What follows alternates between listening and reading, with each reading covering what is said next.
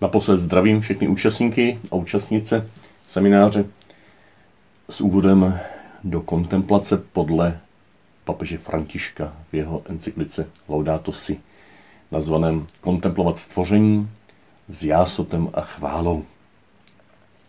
Vstoupili jsme do posledního týdne, nebo spíš závěrečného týdne našeho semináře, který začíná slavností sesláním Ducha Svatého a vrcholí slavností nejsvětější trojice. Všichni učedníci, jak čteme ve skutcích apoštolských, jednomyslně se trvávali v modlitbách spolu se ženami, s Ježíšovou matkou Marií i s jeho příbuznými.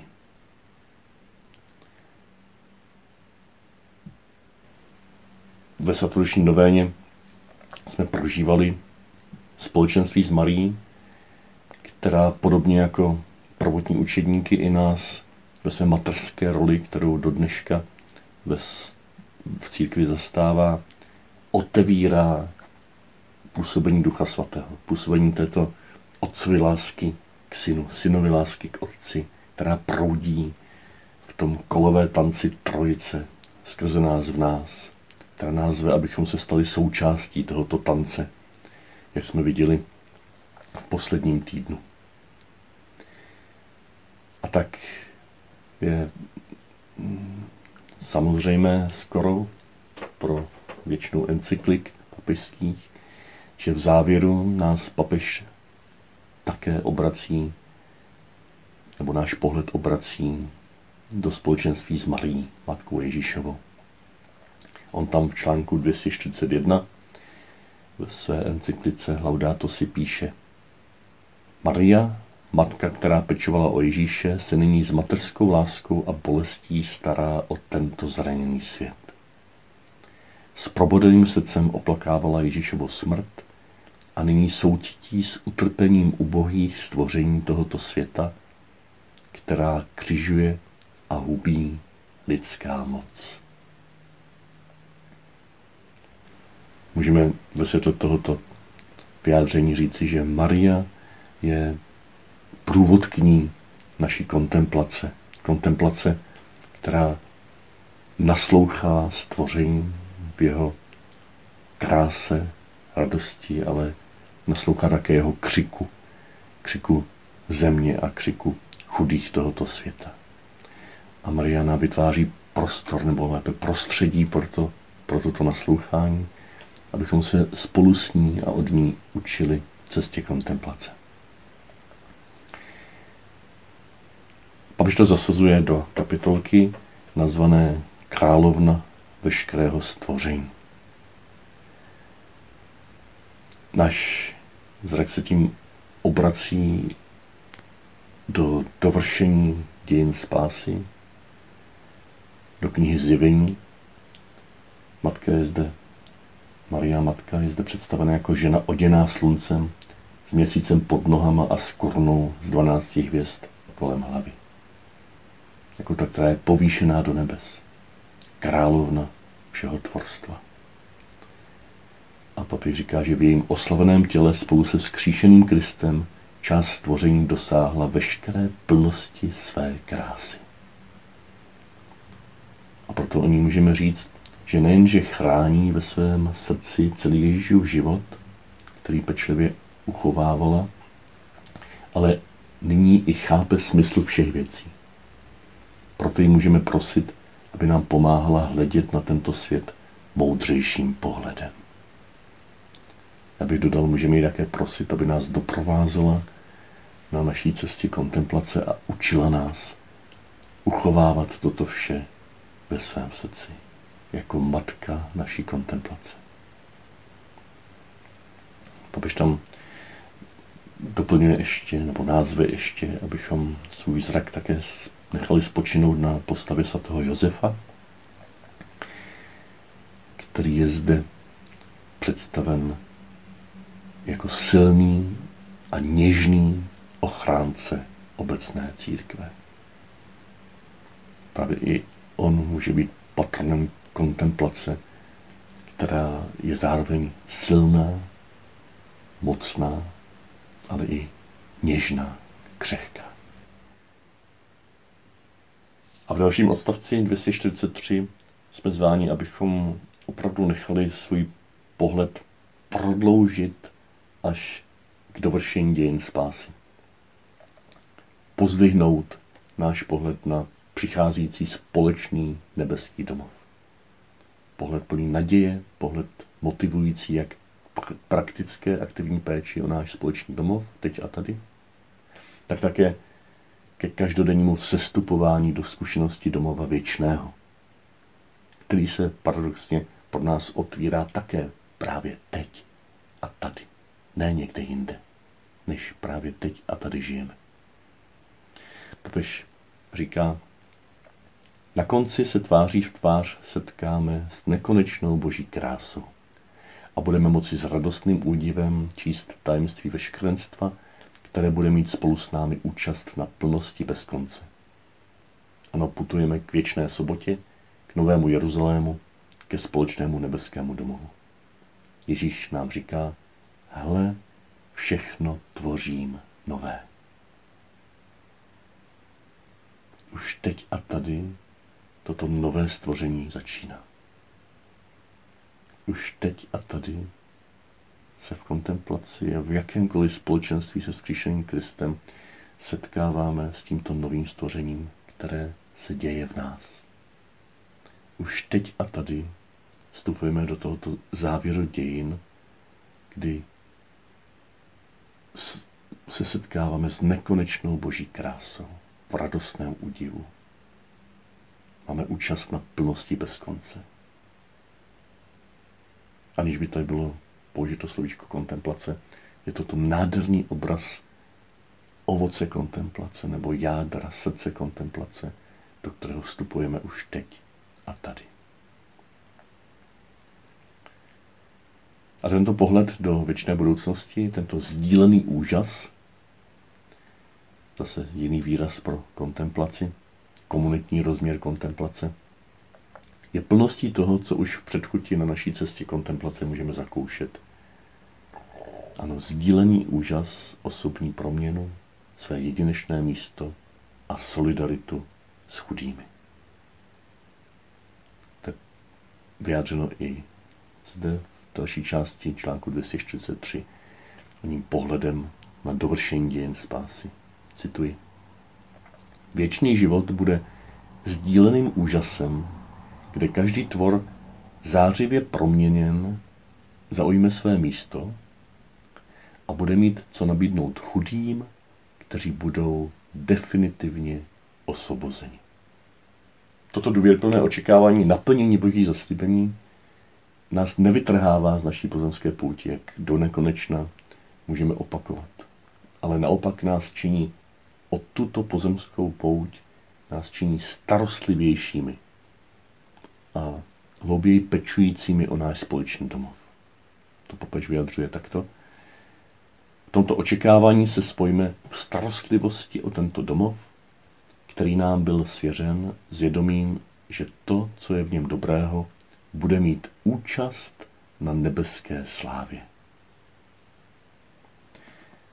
A svoji výzvu této společné cestě starostlivosti doplňuje výzvou k radostné a naděje plné chvále. Když říká, kráčejme se zpěvem, ať nás naše zápasy a naše starost o tuto planetu neobírají o radost naděje. Ano, kráčejme se zpěvem zve nás k cestě. K cestě, která je zároveň ponorem.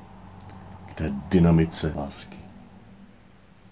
Ke kolovému tanci, který se netočí dokola, ale jde do hloubky a do výšky a rozšiřuje se do šířky a sdílí se s celým vesmírem. Toto je cesta kontemplace. A tak ani poslední slova encykliky zákonitě nepatří výzvám, jakkoliv důležitým, pozbuzením k tomu, co máme dělat, ale radostné zvěsti o tom, co pro nás dělá skříšený pán. A z čeho jedině může vyrůstat naše schopnost kráčet se zpěvem i tímto zraněným světem. Papež na závěr své encykliky říká, Bůh, jenž nás volá k velkoryse ochotě dávat všechno, nám nabízí sílu a světlo, které ke své cestě potřebujeme. V srdci tohoto světa vždy zůstává přítomen pán života, jenž nás velmi miluje. Znovu tady papež potvrzuje ten svůj hluboký vhled, mnohokrát v encyklice opakovan, že Ježíš je vtělen do hloubky tohoto světa. Stal se jeho součástí, přítomen v srdci tohoto světa. Vždy tam zůstává přítomen. A zároveň nás miluje právě tím, že je přítomen nás velmi miluje. To dynamika lásky. A papež pokračuje. On nás neopustí, nenechá nás samotné, protože se definitivně spojil s naší zemí a jeho láska nás vždy vede k nalézání nových cest. A tato radostná zvěst se zpraktičňuje, když je tam řečeno, že toto definitivní spojení Boha se zemí, Boha s člověkem, Boha se stvořením, s celým vesmírem v Kristu, nás lidi činí kreativními, tvůrčími, otevřenými novým cestám, po kterých můžeme jít a dál tančit tento sdílený tanec trojice. A jak jinak, než aby tato zvěst vyústila chválu. Jemu buď chvála. Jemu buď chvála. Jak jinak také může papež zakončit svou encykliku, která na svém počátku článku 12, jak jsme viděli v nultém týdnu, začínala tím, co dalo název celému našemu semináři. Svět je víc než jen problémem, který je třeba vyřešit, je radostným tajemstvím, jež kontemplujeme s plesáním a chválou. A teď na závěr zazní, jemu buď chvála.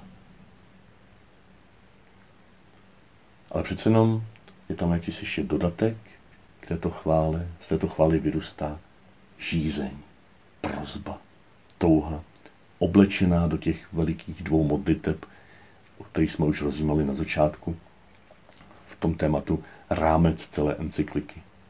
Už tehdy jsme si připomněli, že právě v těchto závěrečných modlitbách, v tom článku 246, papež František toto pojetí kontemplace jako žasnoucího zakoušení, propojení se vším tvorstvem prohlubuje až ke spočinutí v srdci trojediného. Když právě v té druhé trojičně vystavěné modlitbě říká Pane Bože trojediný, úžasné společenství nekonečné lásky. Nauč nás kontemplovat tě v kráse veškerenstva, které všechno mluví o tobě. Nauč nás kontemplovat tě v kráse veškerenstva, kde všechno mluví o tobě. A tak se modleme na závěr tuto modlitbu, zvlášť ve světle této prozby. Nauč nás, Bože Trojedin, úžasné společenství nekonečné lásky. Nauč nás kontemplovat tě v kráse veškerenstva, kde všechno mluví o tobě. A jakým způsobem a kde nás bude tento trojediný Bůh, toto společenství lásky učit cestě kontemplace? Jak nás bude učit kontemplovat jej v kráse veškerenstva? No tím, že na této cestě vytrváme a že se necháme dál doprovázet jeho duchem i lidmi, kteří na této cestě kontemplace jdou společně s námi a budeme žít ve společenství Božího lidu, který je po této cestě také veden. V těch praktických oporách, podnětech pro závěrečný týden máte pozbuzení, abyste to, co považujete za nejdůležitější na této cestě v těchto nejbližších týdnech, konzultovali se svým patronem, ať už to bude třeba nové odkrytí duchovního doprovázení, nebo budete si chtít zaměřit nějaké studium, připojit se k nějaké skupině kontemplativní, absolvovat nějaký kurz, nebo změnit ve svém způsobu života něco zásadního, nebo rozvinout nějaké své zásadní vztahy, nebo opustit nějaké vztahy. Mluvte o tom se svým patronem. co je pro vás důležité v nejbližších týdnech. Pokud nemáte žádné stále společenství, tak by bylo na čase, abyste svoji cestu víry začali buď znova, nebo prvně sdílet s nějakým společenstvím života, společenstvím modlitby, kde budete znovu a znovu nárokováni, abyste nezůstali sami na své cestě. Můžete případně iniciovat vznik takovéto společenství, takovéto skupiny, pokud žádnou takovouto skupinu ještě nemáte. Co se týče studia, tak samozřejmě je dobré opět kontemplativní četbou se ponořit do těch závěrečných statí 241 až 246 encykliky Laudato Si, užít si zvlášť tu závěrečnou modlitbu trojiční, vzít si třeba na začátek svých tichých chvil tento týden.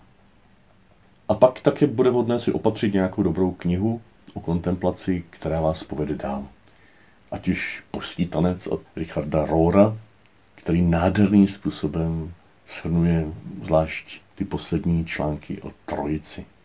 Já jsem tu knihu objevil, nebo mám ji delší dobu v angličtině, ale četl jsem ji až v těchto dnech a úplně žasnu, jak tam Rohr pojmenovává mnohé z toho, co ve svém životě jsem nějakým způsobem objevil, co se nějak snažím prezentovat, ale on tomu dává jako jasný jazyk a jasnou reflexi, založenou na dalším studiu, dalších reflexích jiných autorů, ale i na hluboké osobní zkušenosti kontemplace v duchu františkánské spirituality.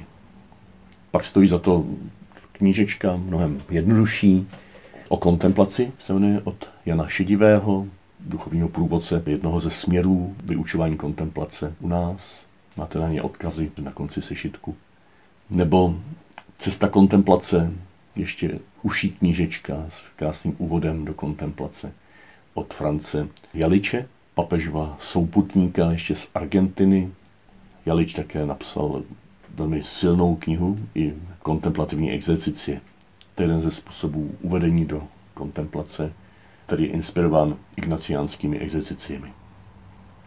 Ale začal bych tou knížečkou velmi útlou Cesta kontemplace. A nebo potom pro vás, který se chcete spíše ponořit do karmelitánských přístupů k vnitřní modlitbě, které podle mě nejsou v rozporu s těmito dnes možná na první pohled modernějšími přístupy, i když jejich zastánci se spolu někdy hádají a myslí si, že jedno vylučuje druhé. Já si to nemyslím, to bylo dlouhé téma.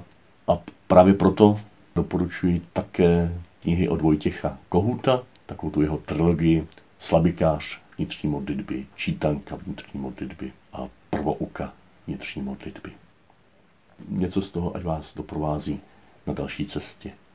Pokud máte odvahu na náročnější i teologii protknutou reflexi, tak moc doporučuji onen božský tanec od Richarda Rohra. A úplně na závěr bych rád vám zprostředkoval rady na cestu od Petra Vacíka, který má na starosti duchovní doprovázení kolínského kláštera, který nedávno v jednom podcastu, který se jmenuje U Ambonu a který moc doporučuju i k dalšímu poslechu, máte tam na něj odkaz v sešitku, který máte v ruce, tak tam dává šest rad na další cestu. Šest rad velmi takových na první pohled přízemních, praktických, které ale je dobře, aby zazněly v kontrastu nebo v doplnění k těm hloubkám, ve kterých jsme se doposud pohybovali. Já vám ho pustím přímo naživo, protože stojí za toto slyšet přímo od něj, proto jenom tady shrnu, že ty rady jsou za prvé, choďte pravidelně do přírody, za druhé, dostatečně spěte, pijte a hýbejte se, za třetí, nebuďte sami a buďte štědří, za čtvrté, investujte čas a úsilí do solidní spirituality, za páté, mějte něco, na čem vám opravdu záleží. A za šesté, sledujte to, co rozeznáváte jako plodné zdroje. Tak se mějte krásně a budu moc rád, když nějakým způsobem mi dáte i nějakou zpětnou vazbu k celému tomuto semináři, k těmto katechezím, k tomu podkladovému sešitku, aby se mohl případně dál vyvíjet i pro další. Budu moc vděčný, když mi napíšete. Ať vám pán žehná. Dobrý den, Moje jméno je Petr Vacík a zdravím vás z Kolínského kláštera. A rád bych vám dnes nabídl něco, co vám vystačí na dlouho. Mnohem déle než na několik hodin meditace. A sice rád bych vám svěřil něco, co bych nazval rady na cestu. A mám jich dnes šest. Mým hlavním zaměstnáním je takzvané duchovní doprovázení, tedy znamená to být na cestě s těmi, kdo usilují o solidní spiritualitu a doprovázet je na této cestě. E, následující rady jsou tedy podle mého nejlepšího vědomí a svědomí schrnutím doporučení, která dnes vidím jako nejefektivnější nástroje duchovního života. Za prvé, choďte mnohem více do přírody.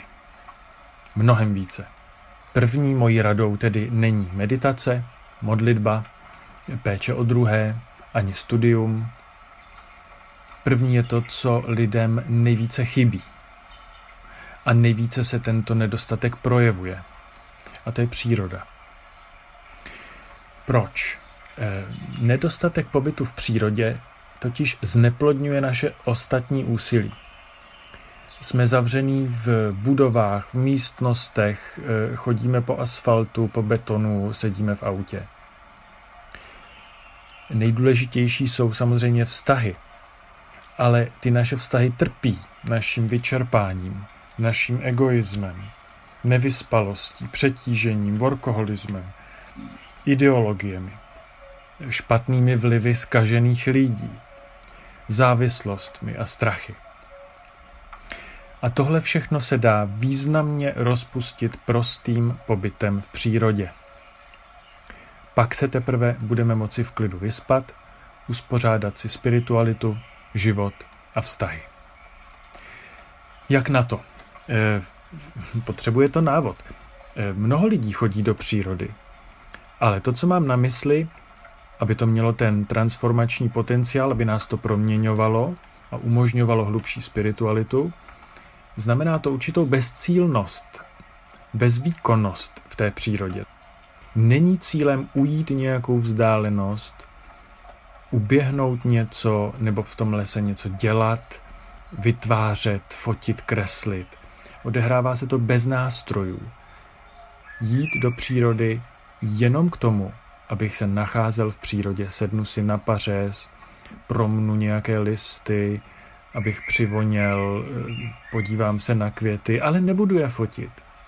Podívám se na to, co tam je, vezmu kámen do ruky, umyju si ruce v potůčku nebo v tůni, kterou najdu, sáhnu si na kůru, eh, zůstanu tam hodinu, dvě, tři. Ale nebudu od toho chtít něco, co bych tam dokázal. Není to také procházka s někým, pojď, půjdeme se projít do lesa. Je to dobré, ale tento typ pobytu v přírodě vyžaduje samotu. Samota v přírodě očišťuje a rozpouští také strach. Proto je potřeba to opakovat. Není možné říct, byl jsem tam jednou a bylo mi divně a pak mi byla zima, tak už nechodím. No, tak si příště víc oblíkni, ať je častěji jdi desetkrát a uvidíš.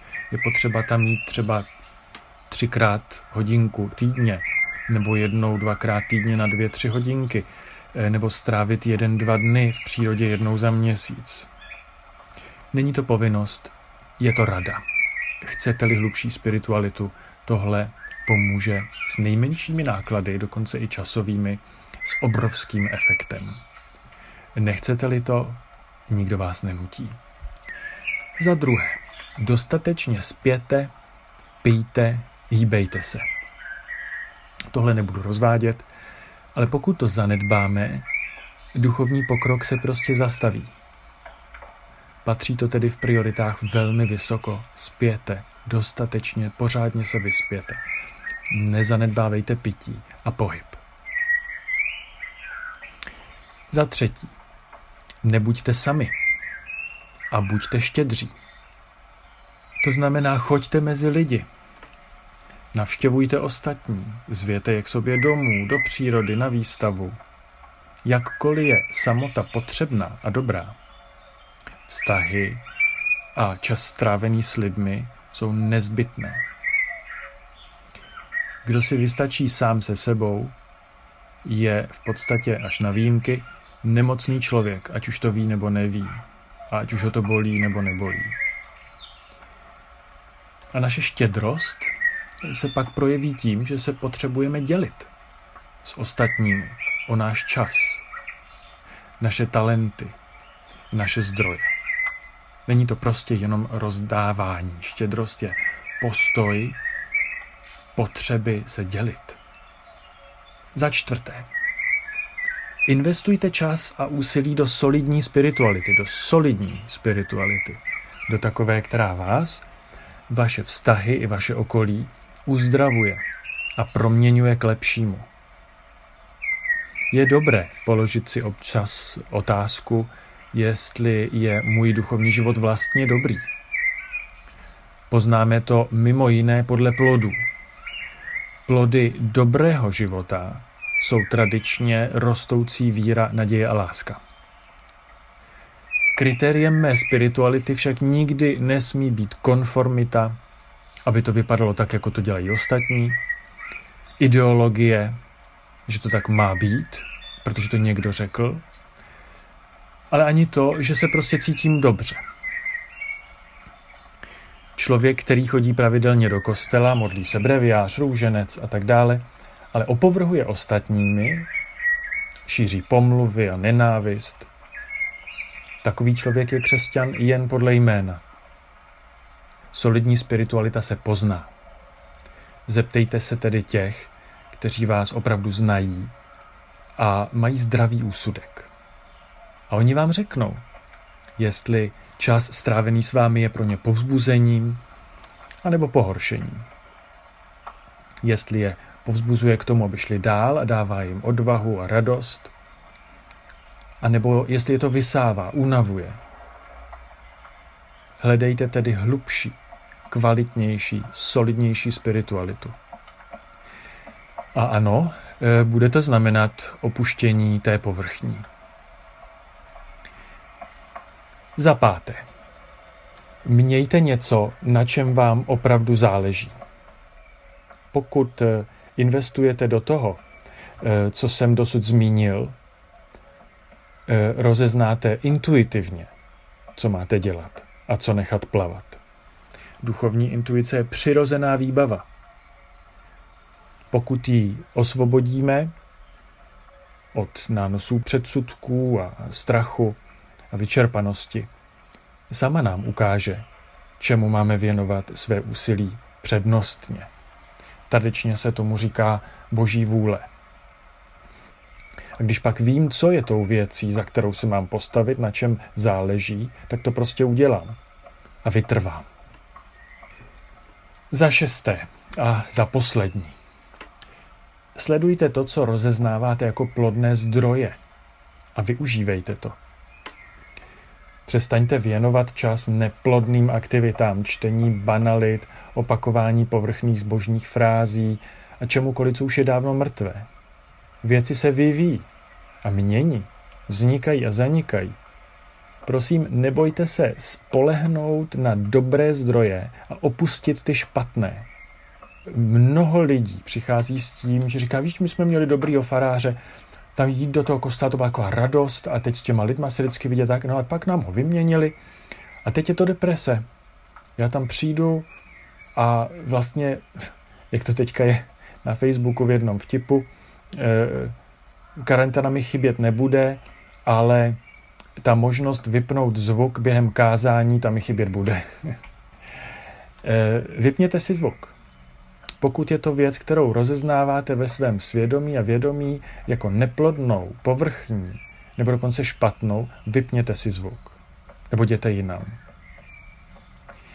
Tedy nebojte se spolehnout na to, co je dobré a používat to a opustit to, co je špatné. To možná není ani doporučení, to je přece povinnost. Nestrácejme čas a energii záští a pomlouváním těch zdrojů, které jsou pro nás neplodné. Nikam to nevede. Prostě používejme to, co je dobré. Ta dvouměsíční intenzivní eh, karanténní změna, ten zásah do fungování naší společnosti nakonec spíš nepřinese nějaké hlubší změny v našem životě. Ale těm, kdo jsou připraveni, určitě už dodal povzbuzení upravit smysluplně své priority na cestě. Upravit kurz, rychlost, množství věcí, které sebou nesu, lidi, se kterými jdu na cestě, místa, kde se zastavuju, místa, kterým se vyhýbám. Přeji vám šťastnou cestu.